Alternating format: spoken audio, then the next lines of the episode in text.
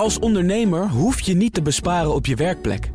Want IKEA voor Business Netwerk biedt korting op verschillende IKEA-producten. Word gratis lid en laat je werkplek voor je werken. IKEA, een wereld aan ideeën praktijken bij zijn bank te voorkomen, oordeelde de rechter. En juist in thuiswerktijd ligt onwenselijk gedrag op de loer... en moeten we ook de virtuele boardroom goed in de gaten houden... zegt bijzonder hoogleraar toezicht Femke de Vries in het FD. Dat en meer bespreek ik met het boardroom panel. Daarin zit een debutant, Helene Kersten, partner bij Stibbe... gespecialiseerd in corporate governance, commissaris bij het Rijksmuseum. Welkom, fijn dat je er bent voor de eerste keer. Dankjewel, Toon. Klopt de aankondiging, moet er nog veel meer bij? Kan er wat af? Er kan altijd meer bij natuurlijk. Ah, maar uh, ja, nee, maar dat is prima zo. Mooi zo. Ilona Haaien is er ook uh, heel hoog geweest bij DSM... en nu commissaris bij Corbion. Ja. En dat jij er bent. Dankjewel. Hugo Remkes is partner en advocaat bij Van Doorn... voorzitter van de Raad van Toezicht bij de Tilburg University. En uh, laat ik beginnen met een controversieel onderwerp... namelijk het nieuws dat Ralf Hamers alsnog moet worden vervolgd... vanwege de witwaspraktijken bij de bank en wat hij deed... of juist naliet om dat allemaal te voorkomen. De, uh, de rechter in Den Haag heeft erover geoordeeld na een schikking in 2018. Het OM schikte al voor 775 miljoen met ING... vanwege een jarenlange overtreding van de witwasregels. Daarbij werd overigens niemand persoonlijk vervolgd. Ilona, dat is nu dus toch nog aan de orde. Hoe kijk je ernaar? Ja, ik ben geen jurist. Daar hebben we gelukkig iemand anders voor in dit panel. Maar. Uh, als niet-jurist zijnde, wat ik mij opvalt uit de stukken... is in ieder geval het verschil tussen vorm en inhoud wat nu wordt gemaakt. En of ik dat juridisch nu goed verwoord, weet ik niet. Maar wat ik bedoel is dat destijds het OM heeft geconcludeerd... expliciet dat Ralf Hamers geen bewust nalatig handelen uh, te verwijten viel. En dat het gerechtshof nu zegt... ja, hij had zich moeten, publiekelijk moeten verontschuldigen... en uh, publiekelijk boetedoening uh, moeten doen... Um, en dat vind ik een interessante tegenstelling. Want waarvoor dan? En is dat dan meer vorm of inhoud? Want het, het Hof zegt nu, als hij dat meer had gedaan... en ook uh, zelf was gekomen bij een uh, dagvaarding of zo... Hij heeft dan, dus een advocaat gestuurd, hè? Ja, dat zou precies. goed gedaan ja, hebben. Ja, dat, dat dan die vorm, noem ik dan maar even, hem uh, nu wordt verweten. En dat vind ik opvallend, dat dat wordt gezegd. Maar denk je dat het alleen om de vorm gaat? Want ik heb ook nog even naar dat vonnis gekeken... en daarin wordt gezegd dat Hamers moet hebben geweten... dat strafbare ja. gedragingen mogelijk waren... en er te weinig aan gedaan heeft om dat tegen te gaan. En zegt het Hof ook nog dat niet wettelijk en wettig en overtuigend bewezen is... dat de beklaagde strafbare feiten heeft gepleegd. Maar dat eerste is natuurlijk niet zozeer een vorm... als wel, je hebt gewoon te weinig gedaan. Inhoudelijk ben je ook tekortgeschoten. Nou zeker, dus uh, vorm viel me op. Uh, inhoud, nou nogmaals, ik ben geen jurist en ik zie alleen de openbare stukken. Um, maar daar zijn het OM en het gerechtshof het dus niet met elkaar eens. En, um, en op basis van inhoud wordt natuurlijk nu zo'n zaak aanhangig gemaakt. Dan kijk ik toch maar eventjes naar de jurist in het gezelschap, Helene. Is dit een vormkwestie of toch ook echt inhoudelijk nog kritiek op Hamers en de bank? Ja, even. Ja, ik, ik, uh, ja, ik moet wel even zeggen dat wij echt ook bij die zaak betrokken zijn. Dus uh, ik kan niet iets inhoudelijks over deze uitspraak zeggen. Ik kan wel wat interessant. Ja, maar, het interessant, maar dat kan ik toch niet doen. Ik Nee, zou wel meer wat Ja. algemeen een ander aspect. uh, meer eigenlijk het gevolg van zo'n uitspraak kan ik wel iets over zeggen. Want ja, ik denk wel dat veel bestuurders zich zorgen zullen maken. Hè? Want uh, ja, het betekent dus dat je, als je in feite gewoon je werk doet, maar er iets aan de hand is in de organisatie, dat je toch een risico hebt ook op uh, persoonlijke strafrechtelijke vervolging. Of je doet je werk niet goed genoeg. En je zegt je doet je werk. Hier is de conclusie. Je hebt je werk in ieder geval niet goed genoeg gedaan. Ja, nou dat is eventjes, hè, dan dan laat ik het weer even bij Ilona en ook ons andere panellid. Maar hè, meer als je het doortrekt gewoon meer naar de toekomst en wat betekent dit? Ja, dan, en als we het even trekken ook naar hè, bestuur en toezicht. Hè, eh, bestuurders die zich zorgen maken of moeten maken over aansprakelijkheid en al helemaal strafrechtelijke vervolging. Uh, ja, dat is angst in het algemeen is een slechte raadgever. En dat geldt ook voor de boardroom. Dus uh, dat kan toch leiden tot meer risicomijdend gedrag, uh, voorzichtigheid. En ja, daarnaast, ook als je het weer even kijkt vanuit de commissarissen, die wij ook allemaal zijn, de positie van commissarissen voor het aantrekken van nieuwe bestuurders. Zeker als je een bestuurder zoekt met veel ervaring ja, iemand zal natuurlijk toch ook heel uh, bang zijn om een eenmaal goed opgebouwde reputatie weer te verliezen. Dus daar zou het ook een impact maar, op kunnen hebben. Is, is angst een slechte raadgever? Dat denk ik wel. Het is niet voor niets ook een spreekwoord geworden. Uh, maar voorzichtigheid in een bestuurlijke functie hoeft toch niet zo bezwaar te zijn? Nee, voorzichtigheid natuurlijk niet. Alleen als het doorslaat naar risicomijdend gedrag, indekgedrag, uh, hè, waar je het. Risicomijdend gedrag, daar hadden ze misschien bij ING de afgelopen jaren dan wel wat aan gehad. Ja, nogmaals, ik ga niet in op het specifieke nee, dit is ook de laatste keer, hoor. Dus dan, gaan we er nu nee, ja, daar, daar, kan ik niets over zeggen. Maar meer in het algemeen, denk ik. Hè, je wilt ook dat bestuurders zich vrij voelen om uh, te ondernemen. En uh, natuurlijk risico's nemen, hè, afgewogen risico's nemen. Uh, en niet alleen maar risicomijdend zijn. Hugo, denk jij dat dit het begin zou kunnen zijn van een hele andere ontwikkeling? Inderdaad, persoonlijke vervolging van topbestuurders binnen bedrijven? Of zou dit ook net zo goed een unicum kunnen blijken? Nee, Thomas, je hebt er gelijk in. Uh, ik denk ook dat uh, uh, wat, opvalt, ik zal Helene daar een beetje helpen om wat meer bij de, de, de casus van Hamers te blijven. Dit sluit wel aan bij, bij, bij een sentiment wat je in de politiek ook ziet. Hè? In de politiek is het toch snel gezegd, hij had zich meer publiek moeten verantwoorden. terwijl het Openbaar Ministerie in eerste aanleg heeft gezegd: ja, de, de bank is zo complex en die complexiteit zorgt ervoor dat er wel een verwijt kan worden gemaakt aan ING-bank als organisatie, maar niet aan de mensen die, die daar uh, geacteerd hebben. En dat was ook de basis voor de schikking die, uh, die is. Hugo, je was echt goed op weg. Ik denk uh, dat de verbinding eventjes te wensen overlaat. de conclusie is inderdaad, het bedrijf is nalaten geweest... maar je kunt het niet zozeer ophangen aan personen. Dus is er geschikt. En dan mag jij het er weer oppakken. Ja, daar komt wel die vorm en die inhoud voor mij even om de hoek kijken. Hè. Dus als dan wordt gezegd dat het niet verwijtbaar is aan, zeg in dit geval Ralf Hamers, hè, uh, dan vind ik het interessant dat het Hof nu zegt: ja, maar hij had zich toch, zeg maar even zo, en nog los van wat ik hier persoonlijk van vind, maar had zich dan toch moeten verantwoorden persoonlijk, had het boetekleed aan moeten doen, publiekelijk. Um, terwijl hij daarmee iets zou doen wat niet door het OM was geconstateerd destijds. Dus daar vind ik hem gek op dit moment, zeg maar. Hugo is weer terug, dat is heel goed nieuws. Hugo, je mag je verhaal uh, vervolgen. Nou ja, wat, wat, wat Ilona zegt klopt. Uh, uh, het is in ieder geval nu zo dat, dat bestuurders zullen naar de toekomst hier kritisch uh, naar kijken. Omdat ze, Ralf zit al in een andere rol in een Zwitserse bank. En wordt nu geconfronteerd eigenlijk met een ghost from Christmas past. Waarin die opeens zich in een lange procedure waarschijnlijk moet gaan verantwoorden. Over wat er toen is gebeurd. Het Hof heeft niet gezegd dat er uh, dat de wettig en overtuigend bewijs is. Hij heeft alleen maar gezegd: er is voldoende nu om, voor een verdenking. En daarover zal een onderzoek moeten plaatsvinden. En dat zal dan nu gebeuren. Maar dat betekent dat er schikkingen zijn getroffen in het verleden.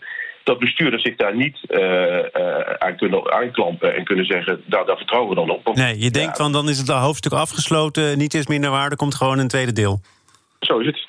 Ja, uh, dat tweede deel dat is voor Hamers overigens al begonnen. En dat kun je ook in algemenere zin natuurlijk wel proberen te schetsen. Je hebt al een nieuwe werkgever, een grote bank in Zwitserland. Um, Hugo zegt ja, dat is een uh, cadeautje onder de kerstboom waarvan je wist dat het er lag. Uh, hoe moet je hier nu mee omgaan, Ilona? je is in dit geval de nieuwe werkgever. De nieuwe werkgever. Maar nou ja, die... als jij iets persoonlijks te zeggen over Hamers, mag het ook altijd. nee. um, nou, UBS is met een statement al naar buiten gekomen... Hè, dat ze het volste vertrouwen hebben in, uh, in Hamers als CEO van de bank. Uh, en dat lijkt me op dit moment ook een heel verstandig statement. Eerlijk gezegd, wat moet je anders? Dit is, uh, dit is nog te Je ver. zit er misschien toch mee in je maag. Je had misschien toch gehoopt dat het niet tot deze nou, vervolging zou komen. Dat kan ik me ook voorstellen. Maar wat moeten ze nu anders zeggen... Hè, dan vertrouwen uitspreken aan, in iemand waar ze het vertrouwen hebben uh, gelegd. En op basis van alleen maar een constatering dat er voldoende is om nu iets opnieuw te onderzoeken. Ja, dat zegt nog helemaal niks. Dat hoeft ook geen veroordeling uh, met zich mee te brengen. Dus UBS kan daar natuurlijk helemaal niks mee op dit nee. moment. Eh, kan UBS inderdaad uh, niets anders dan nu dit statement naar buiten brengen... en, en hopen dat het misschien toch ergens overwaait... of niet leidt tot, uh, tot grote straf voor, voor Hamers, alleen? Nou ja, uh, het is wat, uh, hè, wat jij ook zegt. Uh, dat lijkt mij nu inderdaad wat, wat ze moeten en kunnen zeggen. Natuurlijk kunnen ze ook altijd iets anders zeggen. Maar dit is wat we allemaal hebben kunnen lezen. En dit is hoe ze zich nu opstellen. Ja, ja. Je, je, calculeert het natuurlijk in. Hè? je denkt die schikking is getroffen. Dit zou mogelijkerwijs nog een staartje kunnen krijgen. Is dat wel iets waar je als bedrijf goed over na moet denken? Het gaat nu niet specifiek over hamers. Maar je weet dat er vanuit het verleden nog iets speelt. En je denkt, nou, ik geef hem toch een nieuwe toekomst binnen de muren van dit bedrijf. Is dat echt een groot risico? Nou ja, in, in die zin is deze uitspraak natuurlijk wel uh, ja, anders dan wat we voorheen hadden. Hè. Ik denk dat we voorheen wel ervan uitgingen dat als er een schikking was getroffen, hè, wat uh, zowel het bedrijf zelf uh, aangaat als ook de bestuurders. En wat, wat jij net ook eerder zei, in zo'n geval zullen er ongetwijfeld meer gevallen zijn dat het OM heeft gezegd: we hebben geen bewijs gevonden hè, voor strafbare feiten van individuen.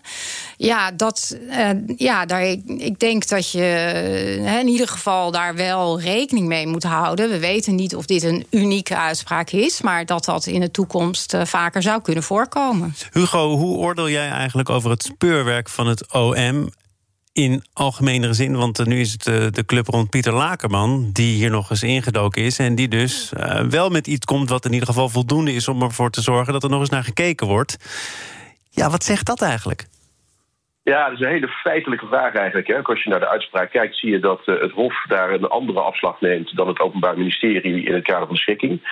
Uh, dat geeft alleen maar aan dat er een, uh, dat er een andere wind waait. En het sentiment wat, uh, wat ook vanuit de politiek krachtig is neergezet. En misschien ook wel door de media. Dat wordt nu toch als belangrijk argument aangedragen om, om deze procedure ook voor Hamers als, als mogelijk eindverantwoordelijke op te starten. En dat dat is wel een, een, een, nieuw punt, denk ik. Maar de, de, de, de, de rechtspraak zou toch los moeten staan van uh, politiek of mediadruk? Nou ja, er wordt hier wel gezegd dat, uh, dat, dat uh, Hamers wordt aangerekend dat hij zich niet publiekelijk heeft uitgesproken over deze kwestie. Die toch maatschappelijk veel onrust met zich mee heeft gebracht. En dan zullen ze niet vergeten zijn dat daarvoor nog die hele kwestie rondom de beloning is geweest. Uh, dus ja, dat, dat, dat, dat, zal allemaal wel meespelen. En dat maakt het voor bestuurders en commissarissen nu wel extra complex. We gaan naar zaken die ook uh, complexer zijn geworden. Zaken doen. En dat doe ik samen met Helene Kersten, partner bij Stibbe, gespecialiseerd in corporate governance, commissaris bij het Rijksmuseum, Ilona Haier, commissaris bij Corbion en Hugo Reumkes, partner advocaat bij Van Doornen, voorzitter van de Raad van Toezicht van de Tilburg University. En wat complex is, ja, dat is de virtuele boardroom. Bijzonder hoogleraar toezicht, Femke de Vries, ook oud-divisiedirecteur bij de Nederlandse Bank, stelde in het FD dat je juist in deze thuiswerktijden goed het bestuur en medewerkers in het gelid moet houden, op zijn minst in de gaten moet houden. En ze zegt um, dat er risico's zijn van onethisch gedrag, omdat de groep niet meer bijstuurt. En dan zegt ze: ik doe op eigen belang boven organisatiebelang, organisatiebelang boven klantbelang. Helene, heb jij daar ervaring mee? Dat dat mis kan gaan? Uh, nou, gelukkig heb ik daar geen ervaring mee uh, gehad dit uh, jaar. Maar ja, virtueel toezicht houden is natuurlijk wel anders dan zoals we het gewend waren. Dus in het algemeen ja, moet je wel goed, goed kijken of je weet wat er speelt. Hè? Want je mist de body language. En je mist ook alle sociale contacten om de vergadering heen. Hè? Dus bij een bedrijf waar ik commissaris ben met een internationale board, daar kwamen we altijd avond tevoren bij elkaar om met elkaar te dineren. Uh, s ochtends ontbijten met elkaar. We gaan lunchen. Dat valt allemaal weg. Dus het is zeker anders. En uh, ja, er is ook natuurlijk een belangrijke rol weggelegd voor de voorzitter. Maar anders wil nog niet meteen zeggen moeilijker of onmogelijk. Nee, voor, nee. nee wat mij betreft niet. Alleen uh, je moet je daar denk ik goed bewust van zijn. En dus zorgen dat je op een andere manier ja, weet wat er speelt. Hè. En dat kan zijn de voorzitter die goed op oplet dat iedereen uh, aan bod komt. Uh, maar, maar, wat wij in mijn verschillende toezichthoudende functies ook doen, is uh, voldoende executive sessies. Dus met elkaar vergaderen, ook weer in Teams of Zoom. Zonder de directie erbij. Dus met een kleiner groepje onder elkaar. één op één. maar dat kleinere groepje, daar zegt ja. de Vries ook over. Ja, er ontstaan dan kleinere groepjes bij besturen, bij werknemers. Een paar vertrouwelingen met wie je nog wel belt om een beetje teen in het water te houden. Maar dat is niet voldoende. Het gaat juist om de groep. Nou, het een sluit het ander niet uit, denk ik. Dus uh, je hebt sowieso natuurlijk je, je, virtuele vergaderingen met een grotere groep. Die gaan gewoon door. Wat je eerst fysiek deed, dat doe je nu virtueel. Maar daarnaast is het wel degelijk goed, vind ik in ieder geval, om ook in andere groepjes, in andere samenstellingen, uh, soms ook los van de agenda met elkaar te praten. Ilona? Ja, dat laatste ben ik het ook helemaal mee eens. Wat, wat je nu mist vooral is dat, dat uh, uh, koffiemachinecontact, noem ik het maar even. Of het nou diner is of ontbijt of, of koffiemachine. Um, dat mis ik ook. In internationale boards, zoals Corbion ook is... Um, heb je al vaker ook... Uh, ben je ook wel gewend aan Teams of Zoom... of wat het ook uh, qua techniek is. Hoewel je altijd probeert fysiek bij elkaar te zijn. Ik denk dat um, even, omdat dat ook een onderwerp wat uh, aangesneden uh, is, um, uh, interessant is in deze tijd, is in een tijd van crisis, zeker in een tijd waarin je afstand moet houden fysiek, denk ik dat waarden het, het, het, het, stevigste fundament is waar je op kunt staan. En dat je dat kunt gaan zien in bedrijven. Uh, als daarin is in geïnvesteerd en als er nu ook met management op afstand, dus dat stelt ook nog vragen van hoeveel managementlagen heb je überhaupt nodig. Maar met management op afstand, denk ik, zie je ook, en dat zie ik ook gebeuren bij bedrijven waar ik betrokken ben, mensen juist opstappen. Dus talent en, courage uh, laten zien. Uh, dus het de andere kant gebeurt ook. Niet maar alleen dan moet de basis dus in orde zijn. Ja, en als die basis in orde is, dan kunnen we het wel hebben over onethisch gedrag. Maar dan is de kans dat dat plaatsvindt heel erg klein. Ja, nou, een gevleugelde uitspraak is culture eats strategy for breakfast. Hè? En, um, en ik denk in crisistijden nog meer zo. Hè? En dan kun je daar allerlei kanttekeningen bij plaatsen dat een aantal voor, uh, procedures, processen en alles allemaal wel in orde moeten zijn.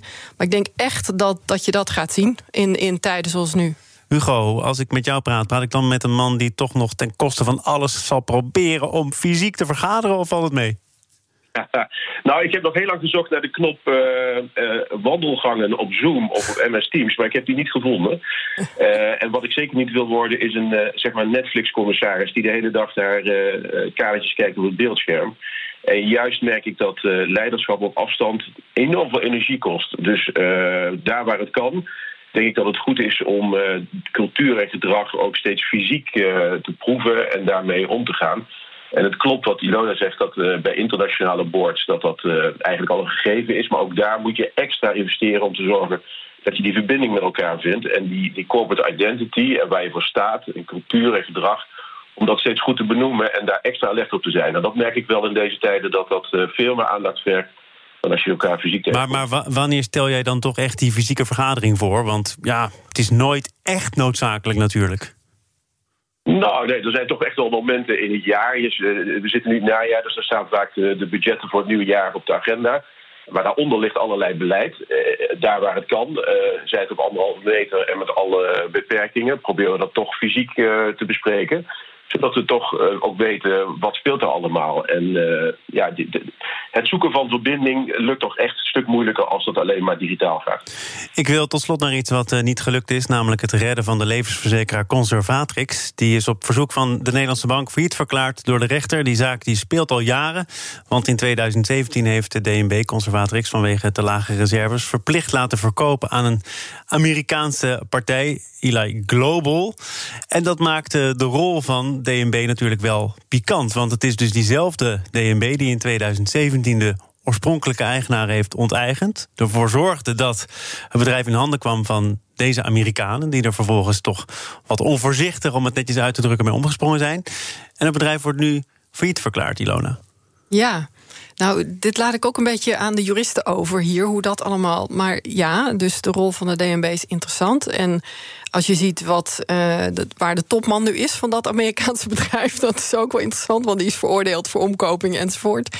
Uh, dus, dus hoeveel due diligence heeft daar plaatsgevonden voorafgaand aan de verkoop? En, en levensverzekering en pensioenen zijn sowieso pregnante onderwerpen en dus ook bedrijven waar voorzichtig mee moet worden omgegaan. Dus ik ben benieuwd uh, wat hier uh, qua rol van DNB inderdaad nog uh, wel of niet uh, ter discussie wordt gesteld. Hmm. Alleen, het, het, is niet elke week een heel juridisch panel hoor. Maar ja, het is nu helaas dan wel zo bij jouw debuut.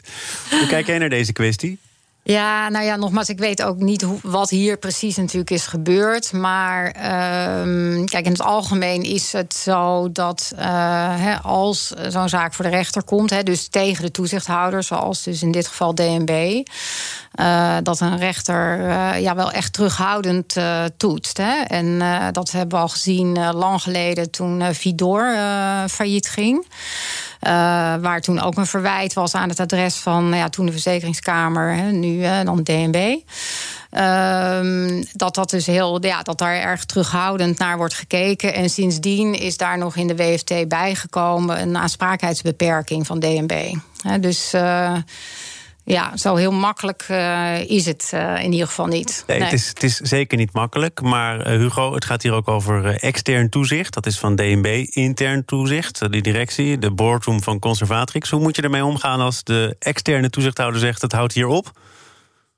Ja, dat is best ingrijpend. Uh, en het is, uh, het is waar dat uh, de laatste zaak die een beetje vergelijkbaar was, al lang geleden was. Maar ik vind hier toch wel dat de Nederlandse bank een beetje de rol heeft aangenomen van de man die op het dek van de Titanic probeerde de stoelen recht te zetten.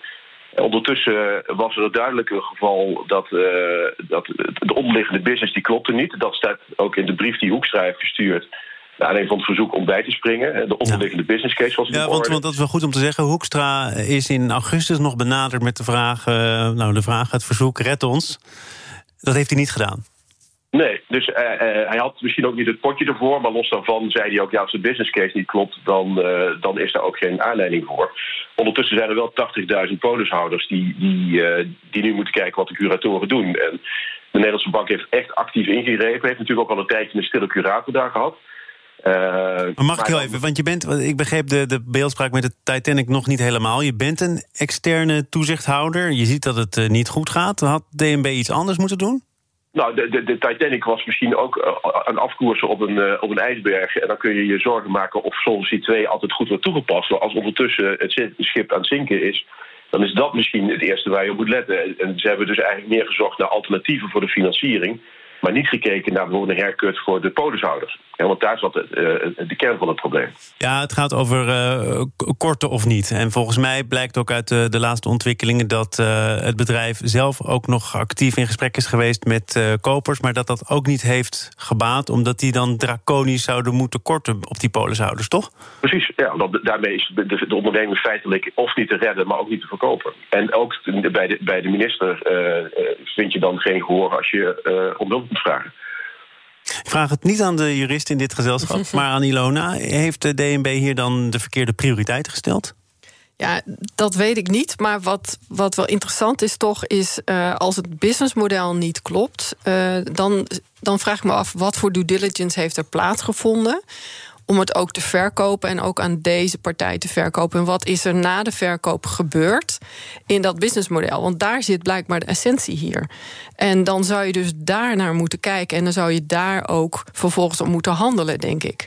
En dat klinkt niet door in wat er naar buiten is gekomen. Dat zo'n stappenplan zeg maar gevolgd is. En dat vind ik wel interessant. Ja, je kunt je sowieso afvragen welke stappen er gevolgd zijn en met wie die stappen gedeeld zijn alleen. Want er is een stichting opgericht voor en door de polishouders om te zorgen dat zij nog iets van hun geld terugzien.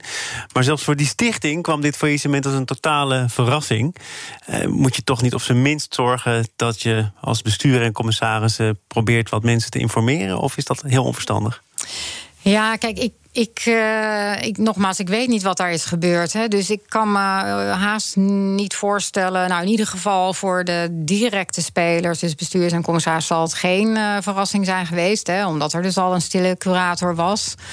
Ehm ja, ik, ik, ik, ik, weet, ik weet, ik ken de feiten niet anders dan wat we allemaal hebben kunnen lezen natuurlijk. Maar dit heeft best een uh, behoorlijk lange voorgeschiedenis. Ik vermoed dat er op alle mogelijke manieren is geprobeerd uh, het bedrijf te verkopen en het in, uh, in een veilige haven te brengen. En dat simpelweg is niet, ge, niet gelukt. He, want er is ook niet, je hebt in Nederland. Um, uh, sinds vorig jaar ook resolutiewetgeving hè, voor verzekeraars. Ja. Nou, dat is hier ook niet toegepast. Uh, nogmaals, ik weet ook niet waarom. Hè, want dat, dat kan ook maar weer in bepaalde gevallen... als er grote maatschappelijke en economische gevolgen zouden zijn... van een faillissement. En misschien voor de luisteraars die het niet weten... ik bedoel, dat is een manier dat je buiten faillissement... een verzekeraar eigenlijk gecontroleerd afwikkelt. Ehm, ja, dus nogmaals, het zal niet als een verrassing, in ieder geval niet uh, bij de direct betrokkenen daar, neem ik aan, zijn uh, gekomen. Ja.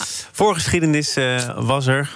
de nasleep misschien ook wel voor Conservatrix. niet meer in dit panel. dat bestond uit Helene Kersten, Ilona Haier en Hugo Reumkes. Dank voor jullie bijdrage. Morgen dan is er weer een nieuwe uitzending van BNR Zaken doen. Dan is de interim-directeur van de Kamer van Koophandel, Susie Zijderveld, te gast. Voor veel ondernemers is dit jaar een jaar van overleven. Hoe de Kamer van Koophandel daarbij kan helpen, dat hoor je morgen in BNR Zaken doen. Zometeen eerst Nieuwsroom. Dat is onze dagelijkse podcast van het FD en BNR, gepresenteerd door Mark Beekhuis. Veel plezier.